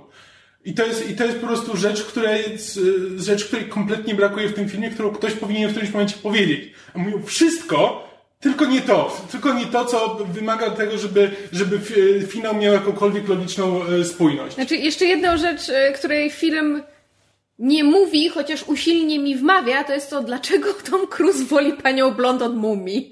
Znaczy, ona jest tak zupełnie bezbarwna. Znaczy, To jest to, co Kamil powiedział. Tom Cruise i Sofia Butela ma- mają lepszą chemię na ekranie niż tamta A ja bym dwójka. chciał jeszcze dodać, znowu zwrócić e, coś na scenariusz, bo to mi bardzo przypomina Jurassic World, gdzie też mieliśmy parę głównych bohaterów, gdzie mamy powiedziane, że oni kiedyś już byli na randce, oni kiedyś już się przespali, bo to wtedy zakłada, że my sobie dopowiadamy, aha, czyli oni coś sobie widzą, i dlatego film nigdy nie musi tego pokazać, bo oni już to kiedyś zrobili. Bo Nie, to jest po prostu, prostu- Bo, bo, no bo tam nie ma, tam nie ma chemii między nimi na ekranie, tam nie ma, w scenariuszu nic nie uzasadnia tego, Mhm. tego uczucia. Um, plus, o Jezu. Nie wiem, bo tam Chciałem, chciałem powiedzieć, że, że bo ona dostrzega w nim dobro, bo on ją uratował w tym samolocie i wtedy przypomniałem sobie scenę, gdzie Cruz to rozbraja, mówiąc, myślałem, że tam jest drugi samolot, Drugi spadochron. To jest wojskowy samolot, jakim cudem tam był tylko jeden spadochron? A propos debilizmów, to jest y, piękna scena pod tytułem w zamkniętym y, tym e, pomieszczeniu, znaczy zam, zamkniętym luku samolotu pod ciśnieniem, który leci ileś tam set tysięcy metrów nad ziemią. Pani archeolog musi tłumaczyć trzem zawodowym żołnierzom, dlaczego nie należy strzelać z pistoletu. No, kurwa, co? Tak, tak. Po prostu... Ale, ale za to e, podobało mi się to, że w wojskowym samolocie transportowym ona może sobie na dyktafon nagrywać notatki. To na pewno świetnie słychać. Natomiast... I że w ogóle ona tymi żołnierzami rozkazuje na prawo i lewo, że ona ma prawo indyktować, co mogą znaczy, zrobić. Też, no, a potem dowiadujemy się, że ona jest z tego pilgrimium, patrimonium, matrymonium, klimakterium, czy jakkolwiek to się nazywa. Więc możemy zakładać, że tajna organizacja ma jakąś władzę nad amerykańskim wojskiem. Tajna angielska organizacja. Natomiast... Um, aha, oczywiście. Zapomniałem, co chciałem powiedzieć. Dziękuję bardzo. Dziękuję za uwagę. I to tyle. Szlak. No to do zobaczenia za Już wiem, wspomniałem sobie. Bo na początku, kiedy wymieniałem zalety Mumi Somersa, e, podkreśliłem bardzo to, jak w pierwszym akcie, jak wiele postaci poznajemy. Mm. A ta cholerna mumia to jest, kurczę, skromny dramat teatralny. Tam jest Tom Cruise, blond archeolog, Jekyll, mumia, cztery postacie. Vale. Vale. Ale Vale nie jest postacią przez trzy czwarte filmu. Jest jakby mechanizmem scenariusza. Jakby tam, tam nikogo nie ma, nie, nikt, nikt czyim losem mógłby się przejąć. No, giną statyści. Eee, no ale znowu, w tamtej mumii jak ginęli statyści, to byli statyści, którzy byli trochę na ekranie. Mm. Nie, ale w sensie jakby... Dlatego, dlatego też przyczepiłem się do wysysania ludzi w tym filmie, bo, no bo w tamtym filmie to jest długi wątek, który mm. zajmuje czas i to jest ważne i, i mumia też wysysa konkretnych ludzi. Nie, Wiemy, tutaj kto jest zagrożony. przypadkowych guli, no. Znaczy to tworzenie guli było nawet spoko. Mówię, tam są sceny, które mi, które mi Hellboya przypominały i tak mm. dalej. Jeszcze o to chodzi, tam jest wystarczająco tego typu scen, że jakby mówię, no to jest jakby wbrew filmowi, ale można się na tym filmie dobrze bawić, jakby wyobrażając sobie, co by można było z nim zrobić i jakby do czego to, do czego to jeszcze może jakby doprowadzić w przyszłości. Znaczy tam jeszcze jest materiał znaczy... na to, żeby zrobić z tego Dark Universe coś ciekawego. Dopóki to, to, to robi tych dwóch ludzi, to ja w to nie wierzę. No hmm. to jest inna sprawa, że jeśli będą się trzymali Kurtzmana, a mogą, no bo z jakiegoś powodu, jeśli DC się trzymało Snydera, to teraz Universal może się trzymać Kurtzmana, licząc, że powtarzanie tych samych czynności doprowadzi do innych wyników.